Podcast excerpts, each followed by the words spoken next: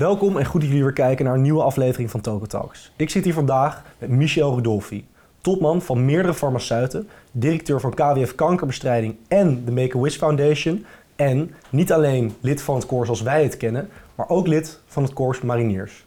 Michel, welkom, goed dat je er bent. Dank. Mijn eerste vraag aan jou. Zoals ik al even zei, je bent lid geweest van het koor en van het koers Mariniers. Als jij nou maar één van de twee over zou kunnen doen, welke zou dat dan zijn? Koers Mariniers. Dat is een eh, snel antwoord. Ja. Waarom zo zeker? Nou, twee, twee redenen. Enerzijds, eh, bij het koor had ik al zes jaar gezeten in Rotterdam. Dus een hele mooie tijd eh, daar gehad. En bij het Koers Mariniers maar anderhalf jaar. Dus ik zou eigenlijk daar nog een keertje willen, terug willen komen. Want mijn eerste term dat was eigenlijk als onderofficier. En ik zou nu best als officier daar willen, willen dienen. Je denkt dat je nog door kan groeien. Kijk, Ja. heel goed. Ja. En even terug naar het moment dat jij wordt opgeroepen voor de dienstplicht, want dat was nog zo in jouw tijd. Ja. Ehm, dan kan je veel verschillende dingen gaan doen. Sommige mensen die gaan eh, een jaar lang op een kantoortje zitten eh, als officier of iets, zodat ze zo snel mogelijk weer door kunnen met hun studie. Jij hebt gekozen om naar de ma- mariniers te gaan. Waarom? Nou, dat heeft een beetje ook met de achtergrond te maken. Ehm, ik heb veel scholen gehad. Daardoor heb ik wat aansluiting gemist eh, met betrekking tot ontwikkeling. Eh, van VWO teruggezet naar de HAVO. Uiteindelijk toen ik 20 was, eh, toen eh, was ik daarbij klaar. Eh, en toen wa- was maar één ding wat ik wou, is zo snel mogelijk weg het huis uit. Dat is enerzijds van het verhaal. Anderzijds van het verhaal was dat ik ben opgegroeid thuis in een, in een familie waar mijn, mijn vader bij Defensie werkte. Eh, dus ik was ook al enigszins begiftigd met eh, eh, het Corps Mariniers eh, vanuit dat perspectief. Ik wou heel graag naar Curaçao. Eh, dat was mijn ultieme doel. Ehm, en dat komt met het korps. Dus eh, dat is me ook gelukt. Kijk, prachtige Ja. kans voor een eh, lekker vakantietje. Nou, ja, ja en nee. Het was ook af en toe hard aan, aanbuffelen, maar het, Ja, is dat, kan ik me voorstellen. Het is, het is ook hard werken. En heb je er ook veel geleerd? Heb je nog veel ja, dingen die je in je dagelijks leven meeneemt, die je daar hebt geleerd? Ehm, zeker, het heeft mij sowieso gevormd. Ehm met betrekking tot van wat ik in de toekomst echt uiteindelijk wou, eh, wil betekenen. Eh, en vandaag de dag, ja, dat komt weer terug. Zeker omdat ik nu weer actief bezig ben de laatste vier jaar met oud-mariniers. Waarbij ik twee keer per week aan het sloepenroeien ben. Dus ik, ik zit weer helemaal in die cadans van en dezelfde humor en dezelfde aanpak en dezelfde visie. Kijk, dat is mooi om te horen. Ja. En wat voor, wat voor specifieke lessen heb je er dan aan overgehouden? Nou ja, voor mij was het eigenlijk heel erg persoonlijk, omdat ik werd geconfronteerd met eh, mensen waarbij ik samen in de klas had gezeten. Die gegeven wel hun school hadden afgemaakt op het VWO-niveau en ik niet. En ik daardoor uiteindelijk ondergeschikt was. Ehm, en ik heb toen geleerd, eh, eigenlijk via de harde weg, dat als ik nog iets wou willen betekenen in, eh, in het leven, dat ik toch iets meer moest doen dan alleen maar blijven staan als, eh, eh, wa- waar ik op dat moment stond. Dus het gaf mij een enorme motivatie, een enorme drive om te kunnen laten zien dat ik net zo goed was als deze mannen die uiteindelijk leiding gaven aan mij. En ehm, dat is ook de reden geweest toen ik uit dienst kwam dat ik weer terug ben gegaan naar school, mijn school heb afgemaakt en daarna ben gaan studeren. Nou, dat is mooi om te horen. En klinkt eigenlijk, als jij er zoveel van hebt geleerd en er zo'n motivatie van hebt gekregen, dat die dienstplicht eigenlijk best een goede is. Zou dat niet vandaag de dag weer ingevoerd eh, moeten worden? Want onze generatie wordt toch gezien als best een, softe, eh, luie generatie. Nou, dat weet ik niet. Kijk, voor mij heeft het heel goed uitgepakt. Eh, ik, denk, ik weet ook dat er heel veel mensen zijn die daar ook heel veel baat bij hebben gehad. Overigens niet voor iedereen. We hebben dit gesprek, nou wat is het, de, de tiende dag eh, van de militaire vredesmissie in Oekraïne. En die discussie is natuurlijk nu weer heel erg actueel. Moeten we een dienstplicht eh, daarin invoeren? Enerzijds, anderzijds, wat je net aangaf, een, een softe generatie. Ik geloof daar niet zo heel erg in. Ehm, ik denk dat het niet slecht is om een dienstplicht in te voeren, maar dat hoeft niet per definitie een militaire dienstplicht te zijn. Het kan ook een maatschappelijke. maatschappelijke dienstplicht zijn. Ja. Ja. Waarvan ik denk dat er mogelijkheden zijn om dat verder ja, jezelf te kunnen vormen. Wat je nu heel veel ziet, mensen die dus van de middelbare school afko- afkomstig zijn en voordat ze gaan studeren, een tussenjaar nemen. Hè. Dan gaan ze vier maanden naar Spanje of naar Azië of whatever, een bepaalde opleiding doen. Komen ze, elkaar, ze komen zichzelf ook daarin eh, in tegen. Dus op zichzelf heel goed. Maar niet iedereen heeft die kans om dat te kunnen doen. En ik denk dat eh, heel veel mensen gebaat zijn om toch zeg maar, die mogelijkheid te hebben. Ehm, en nogmaals, het hoeft niet per definitie militair te zijn, maar dat kan dus ook maatschappelijk zijn. Ja, mooi om te horen. En jij vertelde dat je dus met een enorme drive eigenlijk uit die tijd kwam, een enorme motivatie. En toen was voor jou de lo- meest logische stap om eh, lid te worden van het koor. Nee, het was niet de logische stap. Ik, hoe heet het? ik kom uit een familie die nooit gestudeerd heeft. Dus voor mij was het helemaal nieuw. Ja. En ehm, ik ben op zoek gegaan naar een studie eh, die dichtst bij mij paste. Eh, eigenlijk ook omdat ik niet helemaal precies wist wat ik wou. En toen kwam ik bij een studie tegen die ehm, uiteindelijk in Rotterdam eh, gegeven eh, werd. Ehm, en toen ben ik inderdaad letterlijk traditioneel gaan, gaan kijken bij allerlei verenigingen. Ehm, en ja, het koor sprak mij op dat moment het beste aan. En dan kom je daar aan in Rotterdam. Ben je toen een actief lid geworden? Ehm eerste jaar niet. Omdat ik ook nog, heet het, nog thuis eh, eh, woonde. Ja. Als een soort compensatie voor het feit dat mijn ouders me natuurlijk enorm hadden gesponsord jarenlang. En die zeiden van jij moet nu eerst in instantie je propenduis halen. Ik had in negen maanden mijn propenduis en ik wist niet hoe snel ik van het huis uit moest. Want ik was natuurlijk al een jaar, of bijna anderhalf jaar weg geweest. Ehm, eh, en daarna ben ik ja, ongelooflijk actief geworden ehm, eh, in Rotterdam. En niet alleen binnen het koor, maar ook daarbuiten.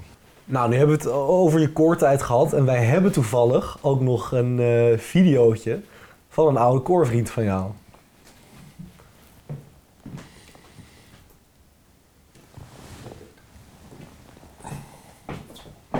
Heel goed. Geluid, gaat het geluid aan? hè?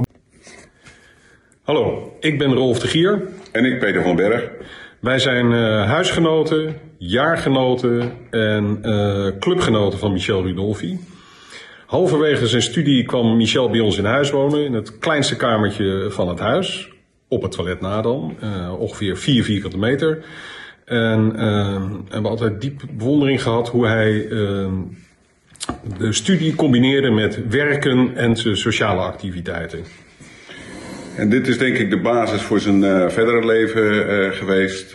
om een enorme drijfveer te hebben om verder te komen in het leven. Om ook uiteindelijk op een grotere kamer te komen dan een kamer van 4 vierkante meter.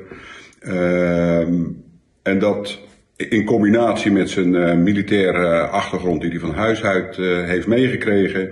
ehm, zie je dat de karaktereigenschappen van Michel hem echt verder gebracht eh, hebben. Hij heeft focus, doorzettingsvermogen. En hij wist al op jonge leeftijd dat hij eh, maatschappelijk eh, op, een, op een hoog niveau wilde eindigen. Eh, en dat is hem glansrijk eh, gelukt. Nou, Dat is een mooie video, toch? dit eh, had ik niet van deze jongens verwacht. Ik dacht van nou, dan komt er wel een heel ander soort video. Maar dit, dit is de keurige uitvoering, denk ik. ja. Spreek je deze jongens nog veel? Zeer regelmatig, ja. Ja, ik ben net nog eh, met ze naar Texel geweest. En dan, eh, Leuk. ja, nee, het zijn eh, zeer regelmatig. En in het algemeen, mensen die je in die tijd ontmoet hebt, heb je nog veel vrienden die je in het dagelijkse leven spreekt?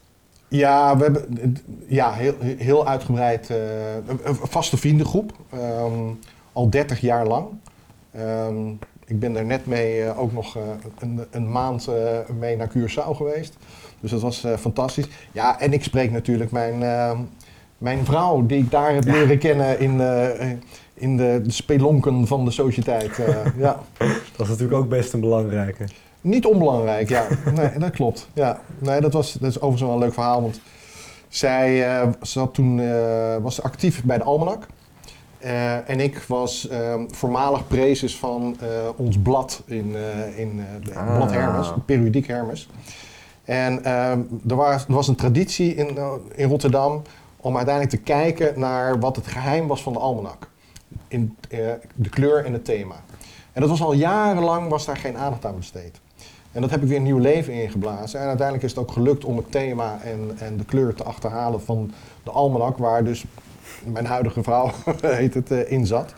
En ehm, tijdens de uitreiking op zo'n zo'n almanak eh, eh, ik weet het nog heel goed, 13 december, ehm, werd ik formeel, kreeg ik die almanak ook uit, QQ, omdat ik, vanuit mijn functie. Ehm, maar dan s'avonds laat kwam ik haar tegen in de gangen. Je kent het wel, ook hier in Amsterdam, van die donkere gangen. En eh, er zat behoorlijk wat al een, eh, een drankje in. En eh, er kwam een dame op me aflopen die ik in eerste instantie niet herkende. En zei, jij bent een verschrikkelijke naaier. Jij bent ik-" en voordat ik er erg in had, lag ik in de bezemkast. Alleen. En op slot. Ehm, dus ik, op mijn eigen sociëteit. Dus ik wist niet wat me overkwam.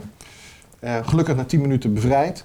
En ehm, ja, dat sprak mij enorm aan. En eh, inmiddels ben ik al eh, 28 jaar met haar getrouwd. Het is heel wat, hè, die Rotterdamse vrouwen. Ja, ja, ja, ja. En toen waren we nog gescheiden. hè? Tegenwoordig Oh. niet meer. En dan kom je als, eh, dus over het algemeen klinkt vrij gemotiveerde, eh, hardwerkende student, ben je op een gegeven moment klaar met je studie. Eh, dan moet je gaan werken. En tegenwoordig, eh, ik denk ook zeker in Rotterdam, waar jij vandaan komt, is het best wel een, een, een, de norm misschien wel dat harde, hardwerkende, gemotiveerde studenten bij grote multinationals gaan werken, bij grote consultancybureaus. Ehm, jij hebt dat niet gedaan. Je bent begonnen bij een start-up. Waarom? Waarom heb je niet die veilige leerschool gekozen? Nou, die heb ik uiteindelijk wel gekozen, maar iets later. Ja. Eh, een beetje een story of my life. Weet je. Je moet allemaal jezelf eerst uitvinden. Nee, maar dat klopt wat je zegt. Zeker in, in, eh, zeg maar in die hele omgeving. Iedereen ging naar de grote jongens. eh, naar de Axo's, de Shells, de Unilever, de Procter Gamble's. Ehm, maar het waren ook allemaal mannen die, en, en vrouwen die of economie hadden gestudeerd of rechten. En ik had een hele aparte nieuwe studie. Ik was de eerste lichting van Namelijk welke studie was dat? een studie beleid en management gezondheidszorg. Dat was Ja. een onderdeel van de geneeskundefaculteit. En ik vergelijk het altijd met een bedrijfskunde, maar dan heel specifiek voor de, voor eh, de gezondheidszorg. Ja. En die was ja, onbekend ehm, en, en onduidelijk nog op dat moment. Eh, dus het, ja, het was ook niet helemaal plaatsbaar om bij dat soort grote bedrijven te gaan beginnen. En ik had al een jaar voordat ik afstudeerde, had ik al contact met een, eh, eigenlijk met een ondernemer die een, een visie had over de zorg in Nederland. En dat sprak me enorm aan. En hij bood me toen al een, een baan aan, een jaar voordat ik afstudeerde. Dus ik voelde wel in dat rijtje thuis van alle mannen en vrouwen die eh, ook al een jaar voor die tijd het een baan hadden aangeboden bij de Shells en bij de Unilevers. Eh, alleen dit was toen, toen ik begon, ehm, was dat plan helemaal ten einde. Want het was een combinatie met V&D, Vroom en Dreesman. En die hadden de stekker eruit getrokken. Dus dat plan uiteindelijk ging niet door. Maar ik ben toen wel met hem begonnen met een andere start-up op het gebied van geneesmiddelontwikkeling. eh, in opdracht van de farmaceutische industrie. Ja. En En, het- eh, dat was inderdaad een start-up. En uiteindelijk eh, gaf je toch net ook al aan, ben je ook eh, in die farmaceutische industrie verder gegaan, toch in de corporate sfeer. Ja. Ehm, dat is, kan me voorstellen dat het heel anders is. Ik bedoel, je gaat van een klein team naar een bedrijf waar lang niet iedereen elkaar kent, misschien niet eens op de eigen afdeling. Ehm, dat heeft voor- en nadelen. Hoe heb jij dat ervaren? Nou, bij mij was de overgang wat makkelijker, omdat ik, ik, ik eh, ging naar een Nederlandse eh, filiaal van een groot Zwitsers eh, multinational. Ja. En dat was een relatief kleine organisatie nog. Wel iets groter dan van waar, waar, ik vandaan kwam. En ik kreeg daar al de mogelijkheden om mezelf te ontwikkelen.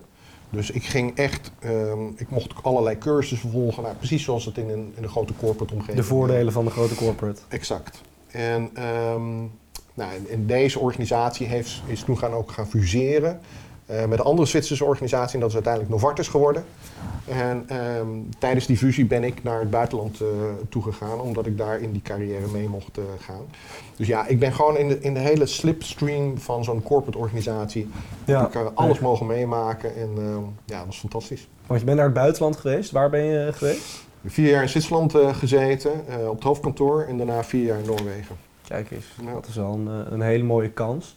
En, en zou je dat mensen aanraden? Want eh, ik denk dat veel mensen het wel mooi vinden klinken altijd, of het zelfs al ambiëren. Maar ook dat heeft natuurlijk wel zijn nadelen. Je laat wel, al helemaal als je bijvoorbeeld lid bent geweest, zoals jij bij een studentenvereniging, laat je wel een enorme kliek aan vrienden achter. En ja, je gooit jezelf eigenlijk als young professional, zoals- zoals we dat tegenwoordig noemen, in het, eh, in het diepe. Ja, maar ik denk nou juist dat het hartstikke goed is. Want als jij het, de nadruk legt op een kliek vrienden, dan weet je ook precies wie je vrienden zijn. Als jij acht jaar in het buitenland hebt gezeten. A, komen ze graag langs. Eh, eh, en B, als je weer terug bent, dan uiteindelijk zijn ze er weer. Dus ik heb dat eh, nooit als een probleem ervaren. Dus om terug te komen op jouw vraag, ja, ik raad het iedereen aan.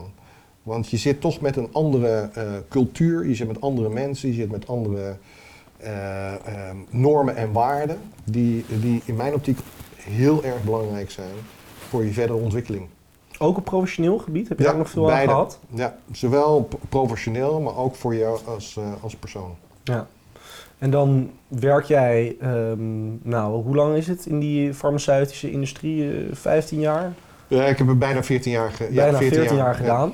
En op een gegeven moment komt er een punt in 2011, eh, waarin je eigenlijk, of waarop je eigenlijk een 180 graden draai maakt in je carrière. En je gaat van de corporate sfeer, ehm, ja, voor een goed doel, of een maatschappelijk partij ook wel werken. Eh, waarom? Want het is best een grote verandering. Ja, nou, ik, ben, ik ben, je noemt 2011, dat was inderdaad bij KWF Kankerbestrijding. Ehm, toen ik terugkwam in Nederland heb ik zelf een stichting opgericht op het Ja. gebied van eh, informatievoorziening rondom hersentumoren. Dat deed ik allemaal in mijn vrije tijd. Ik heb een enorm netwerk eh, daarmee kunnen opbouwen. Daar heb ik zo ongelooflijk veel energie uit kunnen halen. Het kost me heel veel energie, maar ik kreeg er veel meer energie van terug. Ehm, en toen gegeven moment die mogelijkheid eh, voorbij kwam als functie voor directeur-bestuurder van KWF Kankerbestrijding, ehm, heb ik besloten om daarop te eh, solliciteren. Omdat ik dacht op dat moment dat ik een toegevoegde waarde had met de kennis die ik uit de corporate setting had en mijn ervaring van zo'n stichting. Eh, maar ik gaf mezelf heel erg weinig kans. Omdat ik ook bij mezelf dacht van nou, er staan hele volkstammen voor de deur die uiteindelijk eh, daar geïnteresseerd zijn. Ik ben geen oncoloog, ik ben geen arts. Ehm, dus het zou wel vanuit een traditionele eh, kant eh, is een kansloze exercitie. Ja. Dat bleek dus gelukkig niet het geval te zijn. Ehm, eh, en ik heb daar ja, zeven jaar heb ik daar mogen acteren. Ja, maar eerst heel veel nog een stapje terug. Jij zegt ik kom terug in Nederland en ehm, jij begint eh, een, een stichting voor eh, informatievoorziening rondom hersentumoren. Ja. Waar kwam deze motivatie vandaan? Want dat doet niet elk willekeurig persoon. Nee, dat klopt. Nee, er zit een verhaal achter. Ehm, toen ik verhuisde van, ehm, van Zwitserland naar Noorwegen, kreeg ik te horen dat mijn vader ongeneeslijk ziek was met een hersentumor. En die, hij is uiteindelijk ook een paar maanden later is die overleden aan een hersentumor. Eh, en toen ik ehm, in dat proces betrokken werd, ehm, werd er in eerste instantie aan mij gevraagd van ja, je zit bij die pharma, kan je ons informatie geven? Dat vroeg de familie. En toen kwam ik er heel erg achter dat die informatievoorziening, we praten hier over 1999, dan hadden we nog geen eh, Google, ehm, dan hadden we nog geen eh, informatiesites, eh, dat kan je bijna niet voorstellen, maar dat Ja. was toen nog niet zo. En toen kwam die informatie heel slecht kwam naar voren toe. Eh, en dat heeft best wel heel veel frustratie en heel veel ellende met zich meegebracht. Omdat je continu achter de feiten aanloopt. Je bent ook geen gesprekpartner voor je zorgverlener. En toen heb ik, toen mijn vader overleden was in 2000, toen heb ik gezegd, eigenlijk als ik groot en sterk ben, dat is een metafoor van als ik ooit weer een keer terugkom in Nederland, dan ga ik daar iets aan doen. Nou, en toen kwam ik in 2004 kwam ik terug. En, ehm, en ik had binnen een paar weken had ik een businessplannetje gemaakt om daarmee aan de slag te gaan. Dus dat is mijn, was mijn motivatie om Ja. zeg maar, voor patiënten, naasten en in mijn optiek ook nog huisartsen de informatie te voorzien rondom hersentumoren. Want dat komt maar zelden voor. Nou, bijzonder. Dan zie je weer echt die, die, die drive terug die wel Ja. eh, vrij groot is. Ja, Ja. mooi.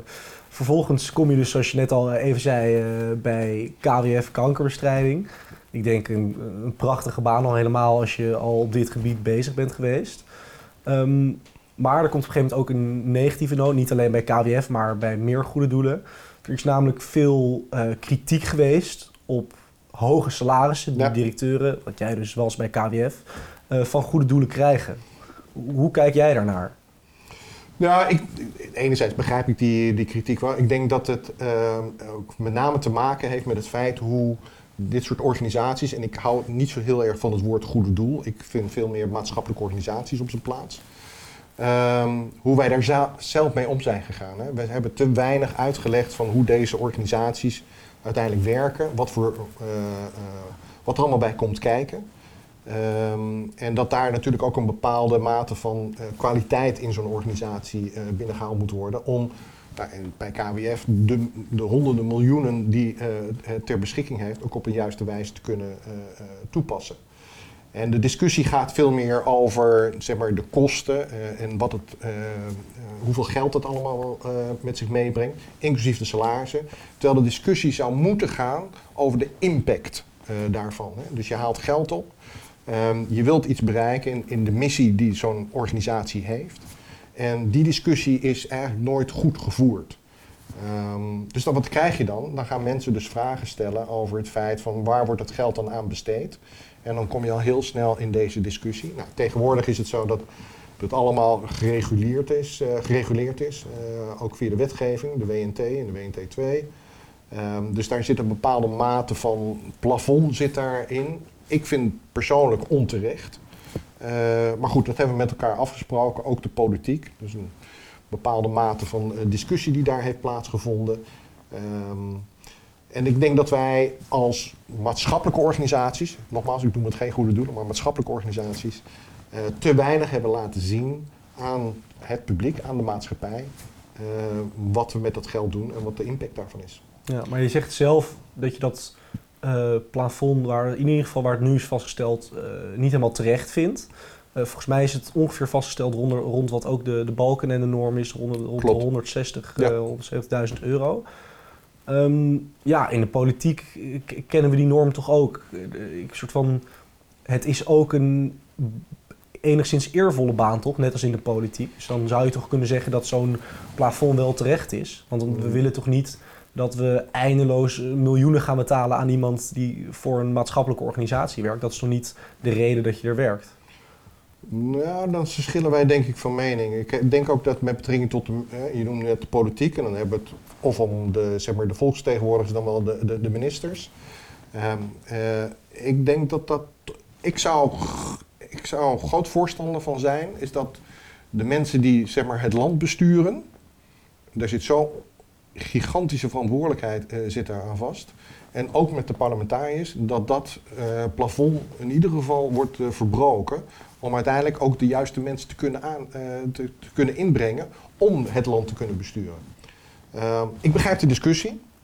Uh, ik denk dat het, uh, hoe heet het, het werkt nu volgens deze normeringen. Ik denk alleen niet dat je het maximale eruit haalt. En uiteindelijk gaat het om het impact bewerkstelligen. En of dat nou maatschappelijke organisaties zijn of ook de politiek. En daardoor krijg je ook continu die discussie die discussie over, weet je, zijn de, ja, hebben we de juiste mensen op de juiste plaats? Ja. En er zijn gewoon hele volkstammen die gewoon niet op deze plaats gaan zitten. Waarom? Omdat het ook financieel niet aantrekkelijk is. Nee, dus wat en het afbreukrisico is gigantisch. Dus wat dat betreft zeg je eigenlijk ook dat inderdaad bij een organisatie als KWF of bij de overheid... Um, bij KWF, een organisatie die jaarlijks ongeveer 150 miljoen uh, inzamelt... zouden een paar ton is die impact die een goede topman of topvrouw maakt zeker waard? Uh, ik denk dat je een relatie moet leggen. Hè. Dus hetzelfde als bij een corporate organisatie. Hè. En dat, uh, daar gaan ook een aantal van jullie Token Talks over. Uh, dat daar natuurlijk ook de CEO's, die worden dan uh, uiteindelijk ook afgerekend over de resultaten die zij uh, bewerkstelligen. Natuurlijk heb je dan een hele andere discussie met betrekking tot de shareholders die daar een, een, rol spelen. De vraag is bij maatschappelijke organisaties, wie zijn die shareholders? Nou, die discussie die loopt eeuwig. Zijn dat de patiënten? Zijn dat de donateurs? zijn dat de sponsors? Um, um, ik denk dat het, als jij daadwerkelijk ervoor staat om impact te brengen voor datgene wat zo'n organisatie wil bewerkstelligen. En dat kan in dit geval dan binnen de oncologie, dat, maar dat kan ook bijvoorbeeld vluchtelingenwerk zijn, dat kan ook uh, UNICEF zijn. Dat je uiteindelijk ervoor moet zorg dragen dat je de juiste mensen op de juiste plek uh, wil doen. Tuurlijk is het eervol, er is geen discussie over mogelijk. Echter, het is gewoon puur zakelijke en emotionele. Er zijn zoveel aspecten, net zoals bij gewoon een CEO van een beursgenoteerd bedrijf. Er komt zoveel bij kijken. Uh, dat ik denk dat die discussie rondom de salarissen in mijn optiek wat bekrompen is hier in Nederland. Maar goed, hij is er. Ja. Er zijn regels. Ik heb me er ook op aangepast. Ik heb er absoluut aan voldaan. en ik heb er geen seconde spijt van. Duidelijk. Vervolgens, vanuit KWF ga je naar een volgende baan iets waarvan ik denk dat je het al helemaal niet voor het salaris uh, hebt gedaan, namelijk Make-A-Wish. Ik denk een prachtige organisatie om te werken. Wat is het mooiste wat jij daarmee hebt gemaakt? Heb je daar een mooi verhaal over? Nou ja, ik ben, als je een gegeven moment bij KWF hebt gezeten, dan is dus de, grootste uh, maatschappelijke organisatie van, van ongeveer van Nederland, met, die heel breed is. Toen heb ik aangegeven, nou, als ik nog iets in die richting zou willen doen, dan zou ik het op internationaal niveau willen doen. Dus Make-A-Wish International, nou, en een van de mooie dingen die daar heb meegemaakt is enerzijds natuurlijk het hele veranderproces. eh, om de organisatie vanuit Amerika naar Nederland te halen, wat ik heb gedaan. Eh, maar tegelijkertijd zelf ben ik ook betrokken geweest bij, eh, zeg maar heel puur bij de wens van, van, nou ja, van zieke kinderen. Dus ik heb zelf ook een wens opgehaald, eh, ben daar thuis geweest, heb met de familie gesproken. En uiteindelijk zijn we dus ook in staat geweest om zo'n wens te kunnen vervullen. In dit geval was dat eh, een wens die, waarbij de, ehm, hoe heet het, de dochter, eh, die dan kanker had in dit geval, eh, die wou heel graag naar New York toe. Ehm, en wij zijn in staat geweest om de hele familie vijf dagen naar New York te, toe te brengen. Ja, en weet je, terwijl ik het zeg, krijg, voel ik gewoon kippenvel, omdat het gewoon, de, de terugkoppeling van zo'n familie was gewoon fantastisch, weet je. En, en je weet dat dat meer waarde geeft voor zo'n voor zo'n kind. Ja, dat klinkt inderdaad als een prachtverhaal. En Ja. ook wel grappig, want je begint het interview met dat jij eigenlijk dus heel veel motivatie en drive hebt gehaald uit je, je tijd bij de mariniers. Het feit dat als je iemand wilde worden of als je iets wilde betekenen, dat je dan echt hard moet werken. Maar het klinkt nu ook alsof jij een groot deel van je drive toch het wel uit de energie van anderen haalt. Dat zelfs die mensen die ziek zijn, die op een, eh, ja, toch een, een, een moeilijk punt zitten, eh, dat die weer energie uitstralen, dat jij dat ook... Denk je dat dat ook een belangrijke drijfveer van jou is? Oh, absoluut. Nee, absoluut. Op het moment dat je daar impact ka- kan maken, dan komt het woord impact weer. Ja. Eh, ik denk dat, dat, dat het een heel belangrijk eh, aspect is. Ja. Kijk, en wat ik bij, bij de mariniers... A, is je leeftijd natuurlijk een heel ander. Ik was toen 20. Ehm, je gaat ook voor het eerst echt eh, naar buiten toe. Je bent helemaal zelfstandig. Je doet allerlei dingen die je tijdens je eh, middelbare school misschien over gedroomd hebt. Maar dat, dat mag je dan in één keer gaan doen. Eh, en nu ga je daar, eh, de, de loop van de jaar ga je daar een invulling aan geven. Dus ja, helemaal, helemaal eens. Ja. En dan als allerlaatste vraag, heb jij een advies voor de studenten van vandaag? Nou, dat is wel aardig dat je dat vraagt. Want wat ik al aangaf is dat. ehm, hoe heet het? We zitten natuurlijk nu best in een spannende periode met betrekking tot de Oekraïne. Anderzijds staan we ook op de vooravond van een eh, eh, klimaatuitdaging en een enorme technische doorontwikkeling. Eh, dus er zit een enorme dynamiek momenteel die best lastig is om die te, om die te begrijpen en daar ook mee om te gaan. Hè. Iedereen worstelt daar toch op, op een of andere manier worstelt daarmee. En ik denk dan, als je dicht bij jezelf blijft en in staat bent om, hoe heet het, af en toe ook je, je kompas, je, je interne kompas, ehm, regelmatig, dus om de drie, vier, vijf jaar te kalibreren, zowel mentaal, maar ook fysiek, dan denk ik dat je ehm, eh, in staat bent om waarde toe te voegen aan de mensheid. En ik denk dat dat, als je daartoe in staat bent, dat zou het mooiste zijn wat je kan, eh, kan bewerkstelligen. In welke baan, in welke positie, waar ook ter wereld. En eh, je zegt je mentale eh, kompas kalibreren, hoe, doe je dat? Wat bedoel je dan? Nou, dat is met name door ook stil te staan van wie je bent, en wat je wil bereiken en waar je uiteindelijk voor staat. Want uiteindelijk wat je ook ziet, ehm, over de jaren heen veranderen allerlei dingen. Dus jij verandert in principe ook, maar dat heb je zelf niet eens in de gaten. Dus als je in staat bent om daar zeg maar, die calibratie neer te zetten voor jezelf, echt dicht bij jezelf te blijven. Wie ben ik nou en waar sta ik voor? Want je wil niet weten hoeveel volk, echt enorm hoeveel mensen die op een gegeven moment een baan doen en dan uiteindelijk helemaal niet gelukkig zijn. Maar daarmee mee doorgaan omdat ze of in een gouden kooi zitten, of omdat het de verwachting is van de, van, van de, van de buitenwereld. Ehm, terwijl ik denk dat op het moment dat je in staat bent voor jezelf, op een gegeven moment te zeggen van ja, maar wacht eens even, wie ben ik en waar sta ik voor? En wat wil ik uiteindelijk bereiken? Niet alleen voor mezelf, maar ook voor de mensheid. Dan denk ik dat je een fantastisch mooi leven hebt. Nou, ik denk dat dat een hele mooie noot is om mee te eindigen. Hartstikke bedankt voor je komst. Lieve kijkers, ga even stilstaan, denk na en dan zien we jullie weer bij de volgende aflevering van Token Talks.